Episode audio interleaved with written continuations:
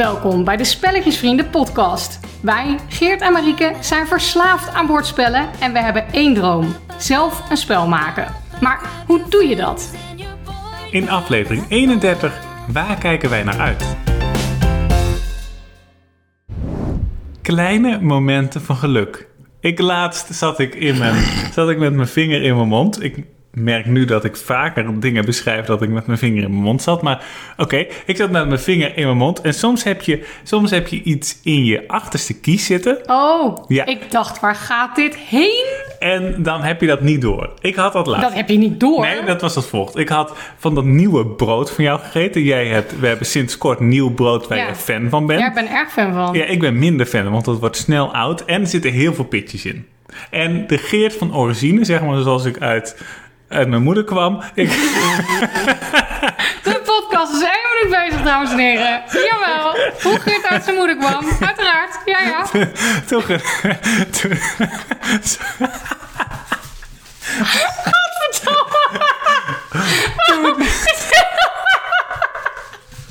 Waarom is dit zo smerig beeld? geen idee. Oh, ik ken de vrouw ook. Nee. Sorry, maar, nee, maar toen ik, wat ik wou zeggen is dat ik, dat ik van origine Ja. alleen maar hou van wit brood. Nou, we zijn er hoor. Dus-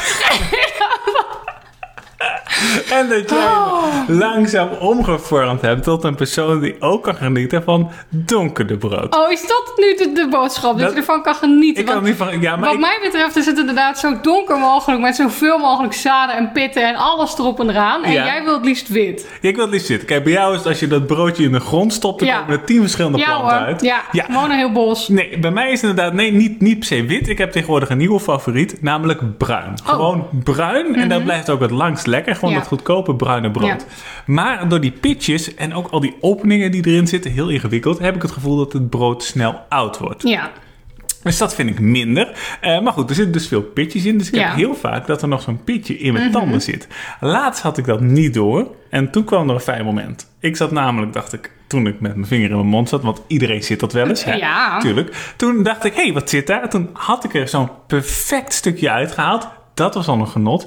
Vijf minuten later, nog een keer hetzelfde. Nou, wat een ruimte heb je dan ineens, hè? Dat was er echt genieten. Ik snap alleen totaal niet hoe je dat niet voelt. Want ik heb, als er iets zit, ik word helemaal gek. Ik ga ook met mijn vinger in mijn mond. Met al, ik, het moet eruit. Vooral ook omdat ik zo'n draadje achter mijn tanden heb. Ja. Als het daarachter zit, word ik helemaal gek. Ja, maar dat, dat is het leuke. De familie Kuit spreuk is... Ja. eh, ik wen aan dingen. Ja, Ja, dat, is, dat dat viel me leuk. zeker waar.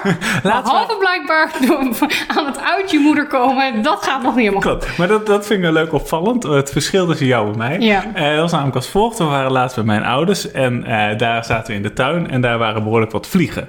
Oh, ja. En, eh, en jij hebt een enorme hekel aan vliegen. Ja, en jij zat al die vliegen weg te jagen. Ja. En je enorm, ook door middel van spraak, te ergeren Het aan was een irritatiefactor. Niet Ja. een irritatiefactor, een irritatiefactor. Ik, ja, ja, Ja, en toen zei mijn schoonzus, die zei... Ja. Ja, maar Marieke, de rest heeft ook allemaal vliegen op hun benen. Maar Ja. die doen er niks mee. Ze, nou, nou nee, dat klinkt nu alsof ze het heel lelijk zijn. Maar het was meer een soort van constatering dat zij zag dat ik helemaal gek werd van al die vliegen. Ja. En dat de rest. En toen keek ik ook zo om me heen. En toen zag ik jouw vader. Die had vijf vliegen op zijn broek. Dat is wel een detail. Oké, Ik had is blote benen. Oké. Maar op zijn broek. En die, nou, he didn't care. Hij, Nee. hij, hij keek niet eens op of om.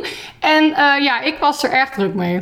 Dus oftewel, ik wen aan dingen en, Ja. en bij jou is het gewoon iets minder wennen. Ja, ik ben er ook niet aan. Maar goed, eh, laten we het eens over bordspellen gaan hebben. Want Lijkt eh, me heel goed. Eh, We hebben namelijk een boel gespeeld. Ja, Echt maar- een hele hoop. Misschien moeten we meteen even met de billen bloot, want we hebben ons huiswerk weer niet gedaan. Nee, we zouden namelijk, en dat komt, ik wil niet de schuld geven natuurlijk, maar je was niet helemaal lekker de afgelopen Nee, week. nee, maar ik was ook ziekjes, hè? Ja, Het nee, was, dat- bedoel ik. Het was niet de grote C, want ik was natuurlijk getest. Maar Ja. ik was wel, ik had erg veel last van mijn astma. En eh, ja, dat, dat eh, heeft echt nou bijna een maand geduurd. Ja, En ik zit eigenlijk nog steeds aan de prednison, maar het gaat nu heel goed. dat is goed om te horen. Ja. Maar we dachten wel, bijvoorbeeld afgelopen weekend dachten we, ja, Ja, we kunnen nee. beter even chill doen. Ja, en laten we eerlijk zijn, ik werd daar ook niet gezelliger van. Je werd er niet gezellig ik van. werd daar niet gezelliger van. Het is eigenlijk best zwaar om met mij te leven. Het is, nou, ach, ik, ik, eh, ik ben Jij eraan, hè.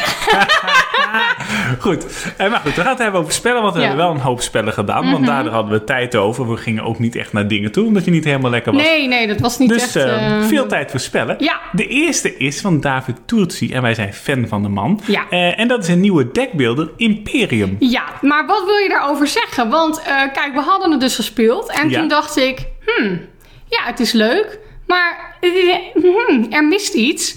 En wat er mist, dat bleek eh, geheugen. Want eh, wij hebben het helemaal verkeerd gespeeld. Ja, nou eigenlijk ging het helemaal goed. Ja. Op één vrij essentiële regel. Ja, precies. Dus zeg maar, mijn gevoel van, nou, mhm, dat kwam volledig door onszelf. Ja. Of eigenlijk door jou dan. Dus ik wil het snel, dankjewel. Ik wil het snel nog een keer proberen, want wat is dan de fout, zeg maar? We, we zaten allemaal kaarten te verwijderen uit het spel, Ja.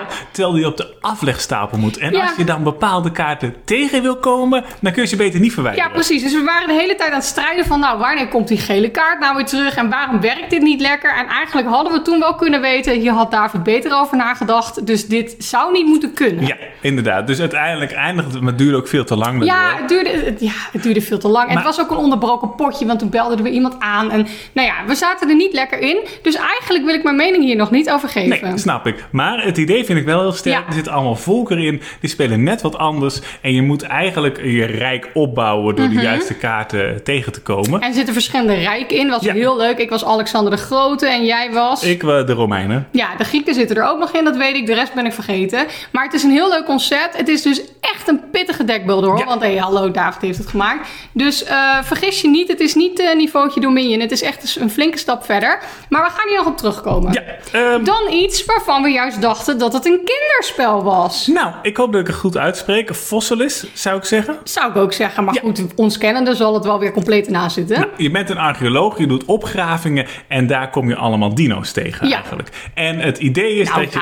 botten van dino's. Botten van dino's inderdaad. En die botten ga je verzamelen en je moet dan door middel van die botten moet je eigenlijk een skelet maken van een bepaalde dino. En als dat gelukt is, dan krijg je daar punten voor. Maar het unieke vind ik hoe je die botten verzamelt. Ja, het ziet er gewoon super mooi uit. Je hebt een soort eh, bakje, die bestaat uit verschillende vakjes. Dus een soort raster in. En daar overheen liggen allemaal tegels. Dus je weet niet wat er in die vakjes ligt. Wat je in die vakjes kan vinden zijn botten. Dat zijn echt miniatuurbotten. Het is bijna alsof je met Lego zit te spelen. Ja. En je moet door bepaalde eh, dingen te doen, moet je die vakjes dan weghalen aan de bovenkant. Waardoor zeg maar het gat open komt te liggen.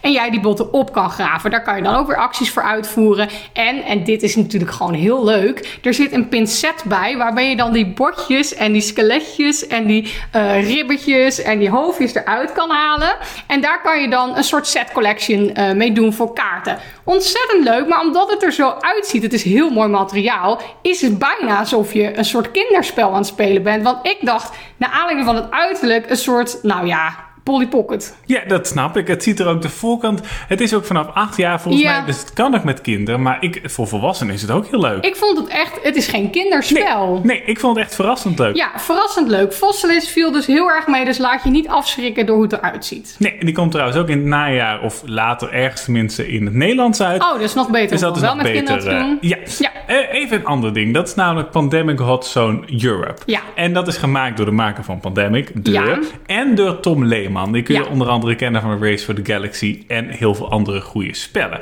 Ik vraag me alleen af, wat heeft Tom gedaan? Ja, en ik wil, het, kijk, het is een Nederlander, dus het is natuurlijk een, Een beetje... Duitser, maakt niet uit. Huh, jij zei een Nederlander. Het is een Duitser. Het is een Duitser. Het is een Duitser. Oké, nou dan kunnen we los. Dan kunnen we los, Dan kunnen we ja. los. Het is een Duitser. Ehm, ja, ik vraag me af wat hij, wat hij nou eigenlijk gedaan heeft. Want kijk, het idee van Pandemic, dat kennen jullie waarschijnlijk wel, maar er breken allemaal ziektes uit over de hele wereld. Dit is al ver voor de grote C bedacht.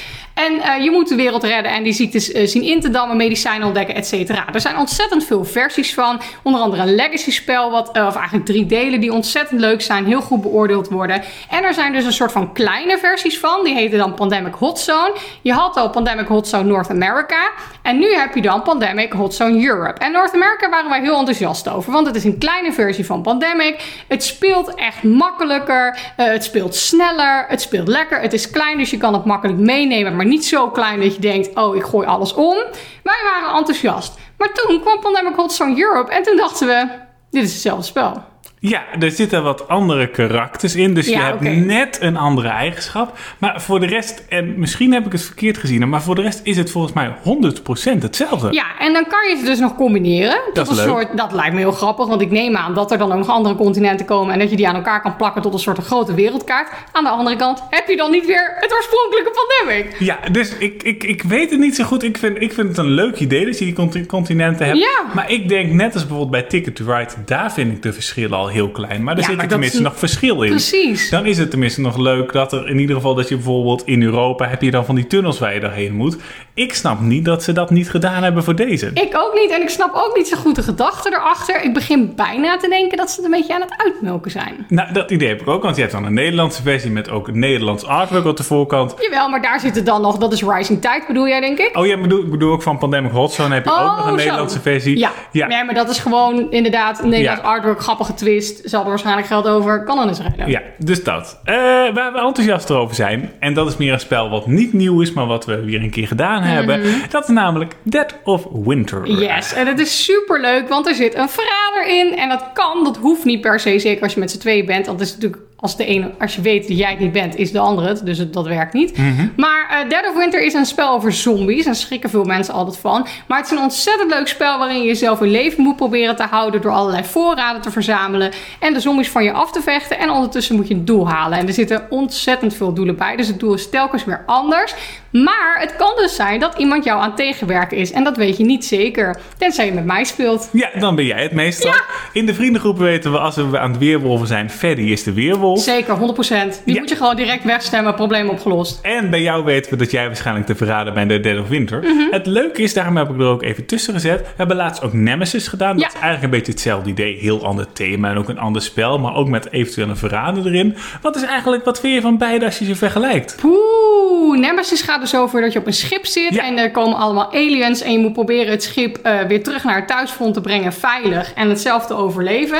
En dan kan je nog in een escape pod of in hibernation, maar je moet het in ieder geval overleven. Dus dat is ook een heel leuk thema. Dead of Winter is dus een zombies. Ik, moet ik echt kiezen? Nou, ik vraag het eigenlijk met een reden. Want wij zijn nu namelijk al bezig met onze top 21. Ja, Eh, we ja. zijn altijd bezig met onze top. Klopt. Maar eh, aan het einde van het jaar doen we altijd onze top van het jaar. Dus dit jaar is dat de top 21 van 2021. En we nemen dat heel serieus. Zeker. Ja, we zijn er nu al mee bezig. En daarom, kijk, ik vind Nemesis en Dead of Winter allebei nou, absolute kansen hebben voor de top 21. Moet ik er dan tussen kiezen? Nee, maar ik vraag me af, gaan we dan ook kijken van, nou, deze spellen hebben eenzelfde idee, dus we kiezen één van de twee? Of kunnen ze er beide in? Nee, dus ik vind dat ze er beide in kunnen, want anders zou een spel afvallen om het thema. Dat is niet eerlijk. Oké, dan hoef je nog niet te kiezen. Maar ik denk dat we echt moeten gaan battlen. Ik denk dat we moeten ze na elkaar doen of kort na elkaar. Ja, maar er, zijn heel, er komen heel veel battles. Ja, het wordt pittig. Ja, dat Hier wordt gaan echt wij pittig. Op terugkomen. Zeker. Ehm, Sherlock Files, dat is de vijfde die we gedaan hebben. Nieuw spel, dit is namelijk deel 4. En dit is de leukste. Zeker, want sowieso zijn eh, de drie spellen die erin zitten een soort van doorlopend. Dus er komen dezelfde karakters in terug. Het speelt zich af in, eh, ja, ergens in de western tijd. Ja, eh, heel eind lang 19e geleden. eeuw. Eind 19e eeuw. Heel leuke setting vind ik op die manier. Dus het is allemaal heel ouderwets. Maar ik vond het verhaal ook gewoon veruit het leukst. En we hebben deze denk ik ook veruit het beste gedaan. Ja, ik ben, we kunnen tevreden zijn. Zeker Ja. Mhm. de laatste hebben we goed gedaan. Het idee van Sherlock Files is vrij simpel. Je hebt een stapel kaarten waar eigenlijk een mysterie in zit. Je krijgt drie kaarten en je moet een kaart of spelen of afleggen. En je moet proberen eigenlijk zoveel mogelijk kaarten af te leggen. Dat je niet kaarten speelt die je niet nodig hebt. En je, moet, je mag eigenlijk niks zeggen op een paar woorden na. Dus je moet onthouden wat je aflegt. En aan het einde moet je erachter zien te komen wat er gebeurd is. Ja, en dat vind ik al heel erg leuk. Maar soms is het nog een klein beetje onlogisch. Sommige delen vind ik. Ja, nou ja, als je er natuurlijk heel erg één kant op denkt en het blijkt helemaal anders te zijn. Maar Ja. goed, ik heb wel het idee dat we het soms te snel spelen. Want nu hebben we er langer over gedaan en beter over nagedacht. En nu ging het wel beter. Ja, dus de Sherlock Files is een dikke tip. Is Ja. gewoon eigenlijk een instap detective. Je kan ze allemaal losspelen, dus als je de leukste wil, zou ik zeker beginnen met deel 4. Ehm, dan Glenmore Chronicles 2 Highland Games. Het is een hele mond vol. Het is een hele mond vol. Het is de uitbreiding van Glenmore Chronicles 2. Ja. Jazeker. En hier zitten drie nieuwe Chronicles in. Yes, en Glamour is een eh, een rondel, rondel. Iemand, vertel me hoe ik dit uitspreek, spel. Dus je loopt een rondje en elke keer kies je... hey, kies ik deze tegel of loop ik hier voorbij? Degene die achteraan loopt in het rondje, die is als eerste aan de beurt. Dus het is ook voordelig om niet al te snel over dat rondje heen te rennen... want dan mis je allemaal tegels. Verder leg je allemaal tegels aan. De tegels die daaromheen liggen activeer je. En zo is het een soort, nou ja, mini-engine builder... waarin je allerlei dingen opbouwt. Ontzettend leuk spel. Je gebied mag ook niet te groot worden, want dat levert je weer minpunten op. Wij zijn ontzettend fan van Glamour Chronicles 2, maar daar weet iedereen al, want we zijn er altijd heel blij mee. En nu is er dus een uitbreiding, Highland Games. En het leuke aan überhaupt Glamour is dat er allemaal Chronicles in zitten. Dat zijn allemaal doosjes die allemaal dingen toevoegen. Dat werkt eigenlijk als een soort modules. Dus elke keer speel je weer met een andere toevoeging. Heel leuk. En deze biedt dus weer allerlei nieuwe toevoegingen. Ja, er zitten dus drie in. En je hebt, ze zijn door allemaal verschillende makers gemaakt. Wat ik ook heel leuk vind. Je hebt onder andere de eentje van de maker van Istanbul. Er Ja. zitten van die pokerchipjes in. Ja, heel verrassend van de maker van Istanbul. Ja, en die eerste twee die we gedaan hebben, die zitten er eigenlijk een beetje op dat je zelf kunt kiezen waar je punten voor scoort. Je kunt eigenlijk je punten een beetje beïnvloeden, want je hebt elke ronde heb je namelijk een tussenscoring en met deze Chronicles kun je dat eh, meer beïnvloeden. Dus dat vond ik heel erg leuk. De laatste hebben we nog niet gedaan, die is het meest uitgebreid. Maar heb je het, als je het hebt over onze top 21, dan is dit ook een kans Er hebben. moet echt een bord komen. Ik wil Ja. echt een bord waarop we dit bijhouden en de battles bijhouden en gaan schuiven en doen. Het is niet normaal. Nee, nou en dan eh, gaan we naar het meest relaxe spel van Ja. afgelopen weekend. Zeker. Het is Above and Below, een wat ouder spel van Ryan Waar we later deze uitzending ook nog wel even op terug zullen komen. Ook een van onze favoriete makers. Hij maakt spellen en illustreert ze zelf. Het is een heel kenmerkende stijl, dus als je weet wat hij maakt, dan herken je zijn spellen direct. Het is prachtig. En hoewel Above and Below dus een wat ouder spel is van hem, ziet het er nog steeds geweldig uit en speelt het zo ontspannend. Ja, het is eigenlijk een soort worker placement. Je legt niet letterlijk een werker bij een actie neer, maar je selecteert wel een werker en die kan bepaalde acties uitvoeren. De meeste acties zijn vrij standaard. Een nieuwe werker krijgen kaarten kopen, maar het verhaal erin is het leukst. Je kunt op ontdekking gaan met sommige werkers. Dan leest iemand een stukje verhaal voor en dan moet je keuzes maken. En als je dat haalt, dan krijg je weer een bonus. En het is gewoon een heerlijk als het regent op een zondagochtendspel. Nou, en dat was dus afgelopen weken altijd het geval. Dus het is echt perfect. We hebben er heerlijk van genoten. En het is een spel wat je kan blijven spelen. Want er zit een boek bij met, ik geloof, 200 verhalen. Ja. Elke keer kan je natuurlijk ook weer andere keuzes maken. En het is, het is niet dat je een campagne speelt. Dus het is echt blijvend. Als je hier nou fan van bent, kan je direct weer door met Neer en Far. Het volgende deel in dit spel. Ook ontzettend leuk. Maar ik geloof dat we daar later nog wel even op terug komen we komen. later nog op terug. Maar goed, dit waren de spellen die wij gespeeld hebben. We hebben dus geen prototype wat we kunnen laten zien, dus ik ben benieuwd wat we bedacht hebben.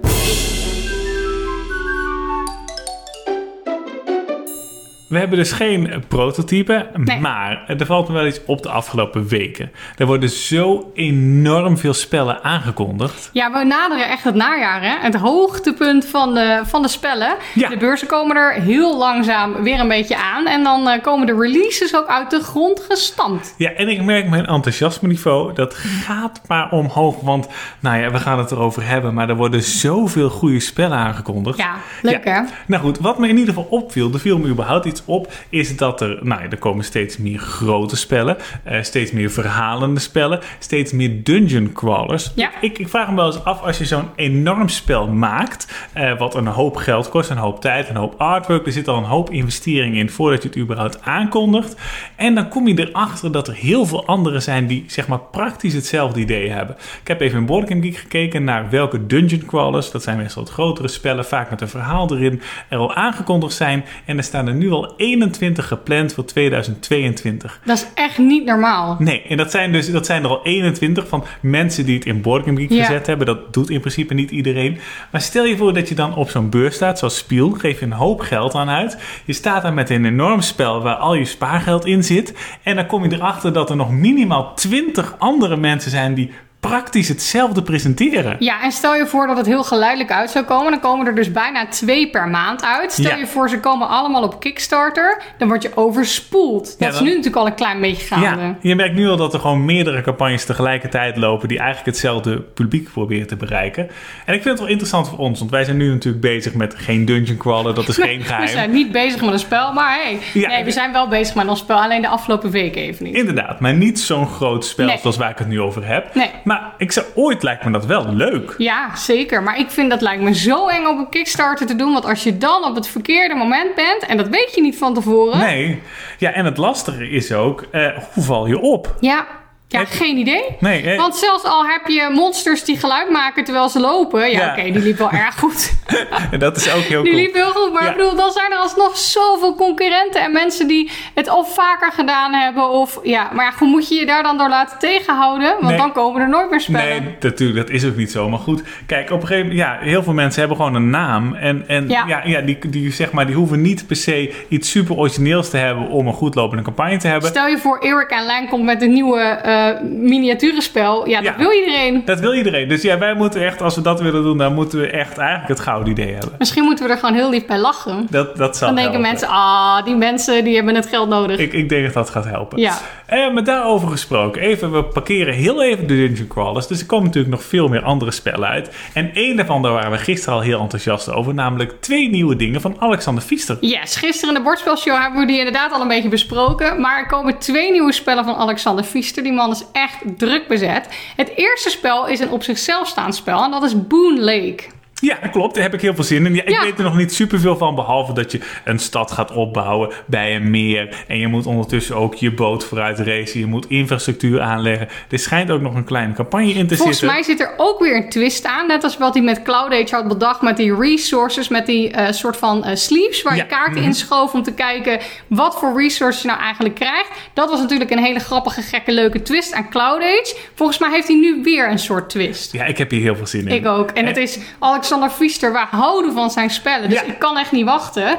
En het andere grote nieuws van Alexander Pfister is dat er dus een uitbreiding komt van Maracaibo. En Maracaibo staat zeker in onze top 21. Daar hoeven we niet over te discussiëren. Nee, 100% niet. En Maracaibo is een geweldig spel waarin je een soort van piraten bent. En je gaat eh, over een spoor lopen. En je gaat allerlei dingen ontwikkelen. En een engine builder opbouwen met kaarten. En het speelt heerlijk. Het is echt een geweldig spel. En er komt dus een uitbreiding en die heet The Uprising. Ja, en er zit weer een nieuwe campagne in, want ook in Maracaibo zit een campagne. En dat is gewoon heel leuk. Er komen allemaal nieuwe tegels bij. Dus ik denk dat het weer aanvoelt als een nieuw spel. Dus die komt in oktober uit mijn hoofd. Dus dan Ja, eh, is al de eerste release van grote spellen. Word jij eigenlijk nog blij als een spel zegt er zit een campagne bij? Want ik zag een filmpje over, eh, was volgens mij de Q&A met Tom Vessel. Die zei, of er was een vraag, eh, welk iets in de spellenwereld denk jij nu van, van nou nu heb ik het wel gezien en nu hoeft het niet meer per se van mij. En hij zei dus, een campagne. Als een spel een campagne heeft, dan denk ik, oh ja. En eerst werd ik daar heel enthousiast van en nu denk ik, ja, het heeft een campagne. Heb jij dat ook? Nou, ik, ik pak even ons volgende spel erbij. En daarna ga ik dan even daar verder op in. Het volgende spel is namelijk Frosthaven. De grote vervolger van eh, Gloomhaven.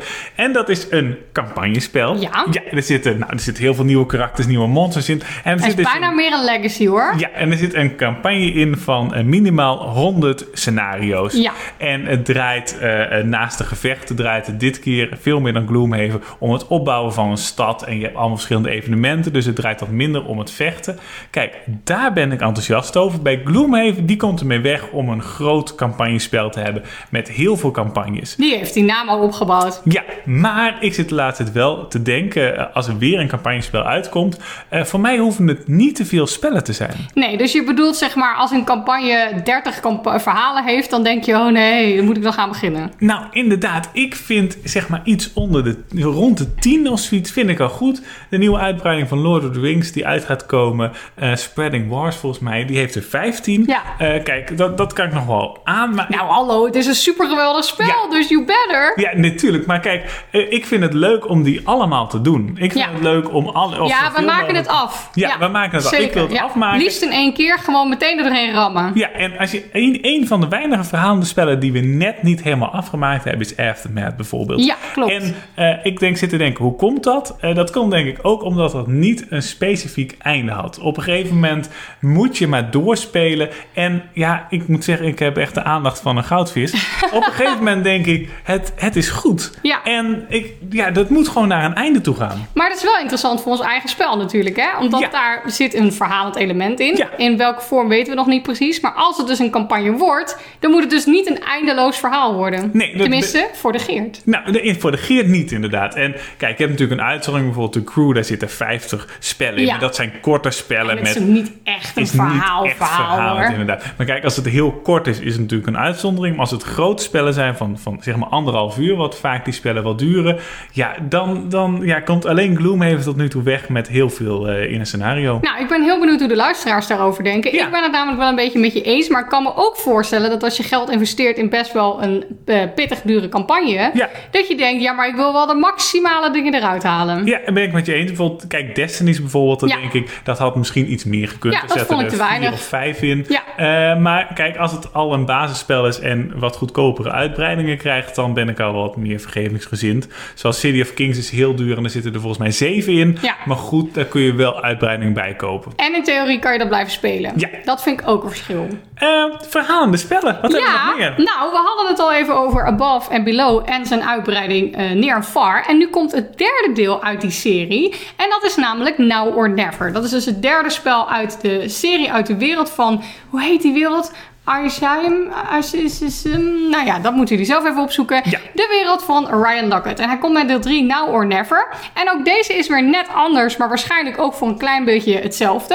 Eh, het is een asymmetrisch spel met vier karakters die dus asymmetrisch spelen. Doet mij meteen een beetje denken aan Root. Ja, dat snap ik. Kijk, we hebben niet extreem veel asymmetrische spellen. Nee. Maar ik vind het, als het goed verwerkt is, heel erg leuk. Dat Ja, je net ze moeten- andere manier hebt. Het is heel belangrijk dat ze even sterk zijn. Ja. En dat ligt natuurlijk heel nauw. Maar goed, hey, ik vertrouw Ryan, dat komt goed. En het is natuurlijk ook een klein beetje, misschien wel een trend asymmetrisch. Ja. Bijvoorbeeld Merchants Cove gaat uitkomen. Dat zijn karakters die compleet verschillend spelen. Allemaal hun eigen ding. Eh, dus dat eh, zit in meer spellen. En het is natuurlijk ontzettend goed voor de herspeelbaarheid. Omdat je eigenlijk een soort van mini-uitbreiding in het spel zelf hebt. Nou, die karakters die spelen dus allemaal anders. Je moet een dorp gaan herbouwen. Zodat de terugkerende bewoners en de burgers een plek hebben om te leven. En je moet heel goed kijken naar wat je waar gaat bouwen. Want je krijgt de grootste beloning voor het lange termijn plannen. Hoe dat er precies uitziet weet ik niet. Maar het klinkt heel interessant. Er zit ook een stukje interactie in met andere spelers. Ben ik heel benieuwd naar. Voor mijn gevoel is dat wel iets meer nieuw voor spellen van Ryan Lockett. Tenminste, normale spellen van Ryan Lockett. Ja. Dus ik ben heel benieuwd hoe hij dat gedaan heeft. Je moet uiteraard ook vechten met gevaarlijke creatures. En, en hier word ik misschien wel het allerblijst van, deze zin. Ontdek een fantasielandschap gevuld met bizarre plekken, technologie en mensen. Want ik moet iets bekennen. Wat dan? Ik heb een paar podcasts geleden gezegd dat ik niet zou houden van sandbox games. Ja? Ik ben verslaafd aan sandbox, sandbox games. Ja, dat snap ik gewoon. Je bedoelt echt een spel waar je eigenlijk alles kan doen Ja. wat, er, wat er maar is. Ik dacht dat het niks voor mij was. Ik zat er helemaal naast. Ja. Het is een spel waar je zeg maar, je stapt eigenlijk als hoe je een videogame speelt. Je stapt de wereld in. Er is van alles mogelijk. En kijk maar even. Maar het moet wel, het komt precies. Bijvoorbeeld Seventh Continent vonden wij een... eh, Ja, die viel me tegen. Veel wat tegen. Sleeping Goat is gewoon een heel goed spel. En dat sluit ook mooi aan bij namelijk de volgende. Dat is namelijk ook een open wereldspel. Ja.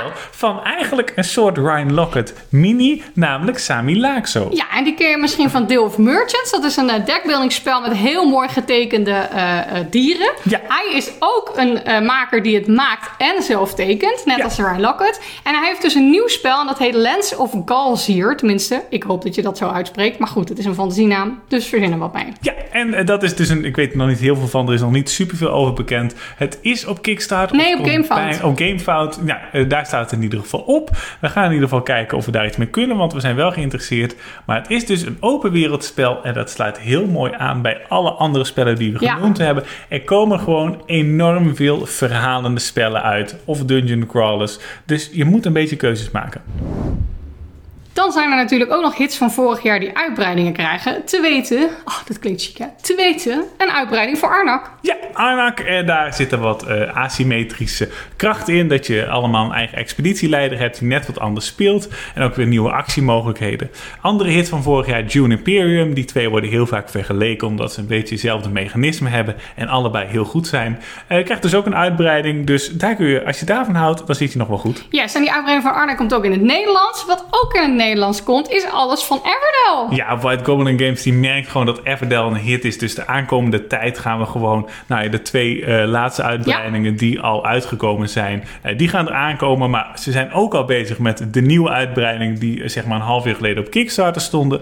Ze hebben het wel eens gehad, tenminste de Engelse uitgever... over Everdell puzzels. Dus het kan, zou me niks verbazen als die ook nog komen. We Dus- gaan het zien. Het is een hele wereld op zich en terecht, want het is een prachtig spel en ontzettend populair. Ja, Wingspan wo- krijgt ook een uitbreiding. Dat heeft wat vertraging. En ik, ik denk dat dat een beetje door de pandemie komt. Nou, dat lijkt mij wel. Lijkt me wel. Maar in ieder geval, eh, wat bekend is, is dat het nieuwe deel gaat over Afrikaanse Ja. vogels. Dus eh, als je van Wingspan houdt, dan kun je daar ook naar uitkijken. Maar op zich, Stonemaier Games heeft altijd een hele erge planning met wat wanneer uitkomt. En Ja. Ze brengen dan ook zo'n mail uit met allemaal kleurcodes waarin staat wat je wanneer kan verwachten. Maar zij rekenen het zo ontzettend ruim. Als in, nou, nou, nou, Games heeft spellen soms al maanden klaarstaan en dan mogen ze het nog niet verkopen. Nee, Dus ze rekenen het zo ontzettend ruim dat ik echt, dit moet bijna wel vertraging opgelopen hebben door de pandemie. Dit kan niet anders. En ze hebben al twee spellen zeg maar, aangekondigd voor het einde van dit jaar. Dat is Rolling Realms. Dat is eigenlijk een eh, print-and-play roll-and-ride spel van Jamie Stegmaier zelf. Leuk. Eh, die nu echt gaat uitkomen. Dus het was een, een, roll- een, een print-and-play en nu wordt die echt uitgegeven. En daarnaast komt de tweede uitbreiding uit. En daar heb ik heel veel zin in van Tapestry. Ja, ben ik heel benieuwd naar. De eerste uitbreiding kon me best bekoren. Ja, vond ik prima. Gewoon een beetje meer van hetzelfde. Ja, maar prima. Ja. Volgens mij ben ik veranderd in een oude Nederlandstalige met mijn uitspraken. Dat maakt helemaal niet uit. Hmm, wat staat er nog meer op de planning? Een nieuwe coöperatieve deckbuilder van Warren Knizia. Ja, en dat is leuk, want hij doet het eh, samen met... Oh, ik ben de naam even kwijt van de tekenaar van Everdell. Van, Oh, eh, Jan- nou, Andrew Bosley. En Samen met Andrew Bosley. En dus dat vind ik heel interessant. Want zoals jullie weten zijn we zelf bezig met een deckbeelder. Eh, dus ik ben heel benieuwd wat, wat, wat Reiner daarvoor bedacht Mhm. heeft. En de vorige deckbeelder die hij gemaakt heeft... dat is natuurlijk de zoektocht naar Eldorado. Misschien heeft hij er tussendoor nog wel een paar gemaakt. Maar ik weet Ja, niet maar dat alles. was zo'n geweldig succes. Ja. En dat is zo ontzettend goed in elkaar dat ik niet kan wachten op deze. Ja. Ontzettend leuk. En het viel mij ook op dat Andrew Bosley eh, best wel gevarieerd artwork aan het maken is de laatste tijd. Sommige dingen leken wat op elkaar, een beetje Ja. die stijl van Everdell. Maar ik had nu zijn artwork niet eens herkend. Dus Ja. misschien wordt het wel weer een hele andere twist. Leuk. Nou, dat, vraag ik me, dat vroeg ik me wel af, want Andrew Bosley is echt een drukman. Er zijn, Ja. komen zo verschrikkelijk veel spellen uit van Andrew Bosley. Kun je op een gegeven moment een beetje Andrew moe worden? Nou, daar zat ik dus gisteren aan te denken toevallig. Dat ik dacht, ja, het, het wordt ook gewoon een beetje saai op een gegeven moment als alle spellen een beetje hetzelfde artwork hebben. Ja, ik, ik moet zeggen, ik zou zelf niet, en dit is absoluut geen kritiek op, want hij doet het echt fantastisch. Maar ik denk dat als ik een spel zou willen hebben dat opvalt voor ons, ik denk dat ik dan niet zo snel naar Andrew zou gaan. Hm. Nou, weet ik niet hoor, want hij kan wel veel verschillende dingen en het is wel altijd heel geweldig. Ja. Waar ik dat juist een beetje mee heb, is met de Miko. Ik vind hem echt geweldig Oh, ja. en hij maakt prachtige dingen. Maar het is wel, als je dat ziet, en dat is ook een beetje gevaarlijk, dan denk je, oh, dat wordt weer zo'n vechtspel à la Roofs van de Noordzee of dat soort dingen. Ja. En dat is helemaal niet erg, want dat is geweldig. Dus die associatie is misschien ook heel positief. Ja, maar dat snap ik wel. Want jij bijvoorbeeld, daar heb je Architecten van het Westelijke Koninkrijk, Mhm. die serie zeg maar. Maar hij heeft ook een serie over Valeria. Dat is tenminste een Ja. andere maker heeft dat, maar hij maakt daar het artwork voor. Soms heb ik bijna het idee dat die serie hoort bij Ja, Precies, omdat Ja. het zo kenmerkend is zijn Ja. stijl. Het is super gaaf en het is heel mooi, maar dat is wel een beetje gevaarlijk. Ja. Krijgt wel een beetje het zwiebertje effect wat je in films hebt. Hè? Dat act- acteurs niet meer voor een nieuwe film gevraagd worden omdat iedereen het zo doet denken aan hoe zij eh, die rol gespeeld hebben. Nou, maar ik vind ook, hij heeft wel, eh, zijn artwork past het best, vind ik, bij een beetje wat ruigere spellen toch? hij is, heb je hem wel eens gezien? Hij is ook echt een viking. Ja. Geweldig. Dus dat vind ik heel cool. Bijvoorbeeld, hij heeft ook eh, nou, spellen gemaakt over de gevangenis, dat soort dingen. Ja. Dat past gewoon heel goed. Ja. Eh, ik, ik, ja, ik moet zeggen, ik heb inderdaad ook net iets anders in mijn hoofd. Dus ik denk ook, ook dat is denk ik iemand die Maar afvalt voor ons. Ja, maar ja, goed, je betaalt ook voor de ervaring. Hè? Ik bedoel, die man heeft zoveel ervaring. En Ja. eh, nou ja, je weet wel dat het goed zit dan. Eh, een andere artiest, en die vind ik dan toch op de een of andere manier net wat diverser. Dat is Ja. namelijk Ion O'Toole. Twee spellen komen uit die hij getekend heeft. Eén daarvan is Voidfall, dat is de nieuwe David Tootsie. Daar hebben we het al even over gehad. Dus dat wordt Niet weer- alleen van David. Daar, niet alleen oh, sorry. van David. Nigel Buckley heeft hij het meegemaakt. Ja. De man van Imperium. Precies. En eh, dit wordt weer een enorm ingewikkeld spel. Ja. Met Wat- heel veel mechanismen. 4x. Precies, want die twee samen, David Turci en Buckley, dat, dat moet gewoon een ingewikkeld spel worden, maar waarschijnlijk wel weer fantastisch. En als je het dan hebt over ingewikkelde, maar toch fantastische spellen, Ja, dit kan ik ook niet uitspreken, maar Fidel Lacerda? Fidel? Hoe heet die man? Lacerda, zou ik zeggen op zijn Engels. Top. Maar die, eh, die gaat dus ook samen met Ian O'Toole een spel maken. Weather Machine heet dat. En nou ja, hij maakt zo ongeveer de meest ingewikkelde spellen eh, die groot op de markt uitkomen. Eh, en dit wordt een worker placement set collection waarin je het weer probeert te veranderen. Maar een verandering op de ene plek heeft nare gevolgen op de andere plek. Ik zie hem al voor me als een soort Sheldon 5.0. Die man moet zo ontzettend slim zijn, dat kan niet anders. Dat denk ik ook. Ja. Die man heeft bijvoorbeeld On Mars gemaakt. Nou, Ja. dat zit zo goed in elkaar. En volgens mij is het ook allemaal gebaseerd op dingen die echt kunnen in de wetenschap. Oh, en vast. alles hangt met elkaar samen. En dit is zo ingewikkeld. Ja, dus eh, nou, heel veel om naar uit te kijken. Heel veel verhalende spellen. Ook wat uitbreidingen, eh, wat tof is. Eh, wat eenvoudigere spellen van Reine Knizia bijvoorbeeld. En heel veel ingewikkelde spellen. Dus mensen, de toekomst ziet er zonnig uit.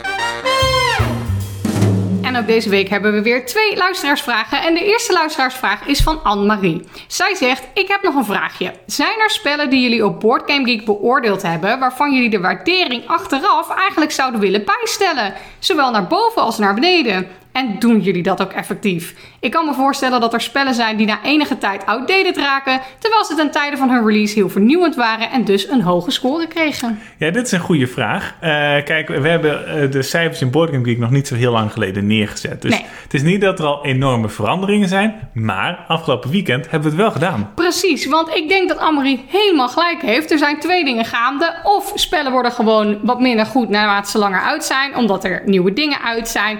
Kan je je afvragen, moet je dat cijfer dan aanpassen? Want ze hebben toen der tijd een verandering teweeg gebracht. Nou, allemaal ingewikkeld. Maar wat ook gebeurt, is dat als je spellen vaker speelt, het toch een beetje tegen kan vallen. Omdat bijvoorbeeld de herspeelbaarheid niet zo goed is. Of het op den duur toch een beetje saai wordt. Of dat je ze nogmaals speelt en denkt, dit hebben we helemaal niet goed ingeschat. Dit moet veel hoger krijgen. Nou, bijvoorbeeld Beyond the Sun hebben we Ja. dit weekend gedaan. En dat hadden we ervoor al een paar keer gedaan. En toen dachten we, goed spel. Echt een 8. maar nu speelden we weer en toen dachten we... Ja, het is eigenlijk wel heel soepel. Het speelt Ja. heel lekker. Dit moet een 9 zijn. Ja, en nu denk je, waarom geven die mensen zo makkelijk een 9? Maar dat doen we echt niet. We hebben Nee. echt, we zijn best wel heel streng. Er zijn een aantal spellen die een 10 krijgen. Er zijn een aantal spellen die een 9 krijgen. Dat lijken er heel veel. Omdat bijvoorbeeld Arkham Horror bij ons een 9 krijgt of een 10. Ja, een 10 zelfs, ja. En die heeft natuurlijk superveel uitbreidingen. Dus die hebben we allemaal hetzelfde cijfer gegeven. Dus nu lopen de getallen hoog op. Maar we zijn echt heel streng. Maar ja, dat doen we dus zeker. En we proberen dat zeker bij te stellen. Ik denk gewoon dat als we een spel spelen, dat we gewoon af en toe moeten kijken. Wat hebben we het in Board Game Geek gegeven en zijn we het er nog mee eens? Ja, en ik, als je bijvoorbeeld kijkt naar een spel wat we heel lang geleden gespeeld hebben, bijvoorbeeld hoogspanning. Ik denk als we dat zeg maar aan het begin van onze spellencarrière in Board Game Geek gezet hebben, hadden we het een 9 gegeven. Ja, misschien wel. Ja, maar nu is het gewoon, het is gewoon wat outdated. Volgens mij hebben we het een 6 gegeven dus zelfs. ja, we zijn kritisch geworden. ja. En, maar ja. wel een spel als Viticulture, die zocht ik laatst op. Dat bleken we een 7, Zeven. Gegeven te hebben. Toen dacht ik, een 7? Nee, dat is veel beter. Ja, ja, ja, ik, ja, ik vind het. is- Ik denk echt dat er basis. battles moeten komen, Geert. ja, het moet De gebeuren. battles van de spelletjesvrienden, dat Dat- kan niet anders. Eh, goed, Natasja had ook een vraag. En die vraagt: In de podcast hebben jullie het regelmatig, vooral Marieke, over het spelletjescafé in Oekraïne. We gaan over een maand met de camper op pad en vroegen ons af of jullie nog tips hebben hoe je dat soort plekken kunt vinden. Dus spelletjesgroepen onderweg. Hele goede vraag. En nog een klein beetje toepasselijk als je nog op vakantie moet. Eh, ik heb deze vraag er meteen in gegooid, want ik dacht, ze gaan al bijna weg, dus we moeten hem nu beantwoorden. Inderdaad hebben wij het heel vaak over het spelletjescafé in Oekraïne. Nou moet ik zeggen dat we nog niet heel veel ervaring hebben. Dit begon allemaal een beetje in op onze huwelijksreis in Amerika. Toen was het gewoon heel erg hard aan het regenen en dachten we gewoon, nou, we hebben wel zin om een spelletje te spelen. Ja. Toen hebben we gewoon gegoogeld naar een spelletjescafé, wat natuurlijk anders is dan een spelletjesclub, wat we in Oekraïne bezochten. Spelletjescafé zijn eigenlijk gewoon winkels waar ook een cafeetje bij zit waar je kan zitten en spelletjes uit kan proberen. Die hebben vaak een bibliotheekje erbij. En als je wat te drinken koopt of je betaalt een soort van entree, dan mag je die spellen huren. Soms kan het ook per spel of soms per uur. En dan kan je daar lekker spelen en een eh, drankje drinken en wat eten. Dus dat hebben we in Amerika veel gedaan. En in Oekraïne ging het toch wel iets anders, want dat waren echt spelletjesclubs. Ja, en op een gegeven moment moet je volgens mij bijna een beetje in de scene terechtkomen om daar toegelaten te worden. Want Nou. dat- nee, maar dat waren plekken die je, Ja. zeg maar, waar je niet standaard langs loopt. Nee. nee. Tenminste, als je gewoon naar een land gaat, eh, een, een wat westerse land, dan zou ik gewoon googlen Boardgame Café met je stad erachter. En dan komt Board dat Game wel Club. Of Boardgame Club, dan komt dat wel goed. Eh, maar in Oekraïne was het ook wel een klein beetje doorvragen. Ja. Waar moet je zijn. Volgens en mij hebben we gewoon eh, gegoogeld ook wel. Op Ja. Instagram gezocht, op hashtags en op eh, plekken. Kijk, wij zaten natuurlijk in Kiev. Dus dat was natuurlijk een hele grote plek. Dus daar zit wel wat. Daar zaten twee borstbalclubs waar we toen echt geweest zijn. Maar volgens mij hebben we het gewoon gegoogeld. Maar wat je ook zou kunnen doen. En ik denk ook dat wij dat gaan doen mochten we dit jaar nog op vakantie gaan. Is op Facebook even googelen. Of in zo'n groep eh, gooien. Van hey, wie is er wel eens op vakantie geweest daar en daar. Misschien zijn er ook internationale groepen waar je dit in kan vragen. Je kan dat natuurlijk ook op ons forum vragen. Misschien Kan zijn er ook. ook wel mensen Nou. geweest. Dus gewoon even op Facebook googlen, Ja. dan eh, komt het goed. Op Facebook googelen, zei ik Dat dat? zei je. Ja. Oh, de oma-huid is echt ingezet. ja, is heel erg. Jij hebt, gewoon, jij hebt gewoon het woord Google omgevormd tot iets zoeken. Even op googlen. Ja. Ik ga het even op googlen. Eh, nou, net als jij, ik hoop dat jullie een heerlijke vakantie hebben. En als het jullie lukt om ergens een spelletje te spelen, stuur ons dan zeker een foto, want dat vinden we heel leuk. Absoluut. En dit waren onze luisteraarsvragen voor deze week. Het was überhaupt de podcast voor deze week. Als je nog luisteraarsvragen hebt, je kunt ze naar ons toesturen via de mail, via ons forum. Maakt allemaal niet uit. Dus spelletjesvrienden.nl slash luisteraarsvraag. Check en dan eh, komt hij zeker een keer voorbij. Eh, nou, mocht je ergens nog een reactie achter kunnen laten of een duimpje omhoog kunnen doen, doe dat. Dat vinden we alleen maar leuk. Opa en oma speaking. Jongens, geef ons reviews of iets leuks. Doe Ja. het, abonneer. Wij worden daar blij van. Doen wij ons reviewdansje en dan zien we elkaar in ieder geval terug over twee weken. Lieve groetjes. Lieve groetjes.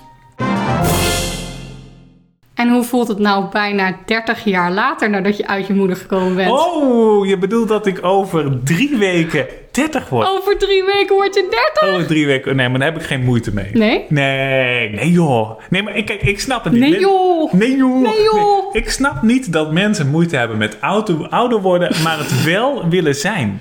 Kijk, je wil oud worden, maar je wil dan niet ouder worden. Ik, Ja. Dat is een kronkel in mijn hoofd die ik niet snap. Nee, snap ik. Nee. Dus je hebt totaal geen gevoelens bij de grote trio. Nee, absoluut niet. 40 Nee. ook niet. 50 het maakt me allemaal niet uit, joh. Ik, Nou, 50 is wel oud hoor. 50 is wel oud, maar dan kun je Nu ga ik ook- mensen beledigen, hè? Ja, nu ga je heel veel mensen beledigen. Punt 1. Misschien ook door wat ik nu zeg. Maar dan kun je, als het goed is, nog heel veel dingen doen. Dus dat maakt allemaal niet uit. Nou, weet je, ik was vanochtend aan het wandelen. En Ja. toen dacht ik weer, ik was een podcast aan het luisteren. Daar ging het ook over ouder worden. En toen dacht ik, eigenlijk vind ik het heerlijk. Ik Ja. voel me zoveel fijner nu ik ouder word. Het leven is zoveel leuker Maar als het- je ouder bent. Het kan toch nog allemaal. Bijvoorbeeld, je had vroeger een Barneveldse wielrenner. Mijn eh, broer die werkte vroeger bij een Barneveldse krant. En die ging daar wel eens eh, naar verschillende dingen toe. En een daarvan was een Barneveldse wielrenner. En die man, Maas van Beek heet die. Die was ver boven de 50. En die probeerde alsnog een wereldrecord te vestigen in het baanwielrennen. Ja. En eh, nou, dat lukte soms wel, soms niet. Want hij deed heel vaak. Hij heeft soms een wereldrecord gevestigd en soms niet. Ja, nou, daar ging het. Hij probeerde, het, Hij probeerde het vaker. Hè? Hij probeert ja. het vaker. Maar goed, als je aangeeft dat je gewoon boven je vijftigste nog een wereldrecord kan vestigen ergens in,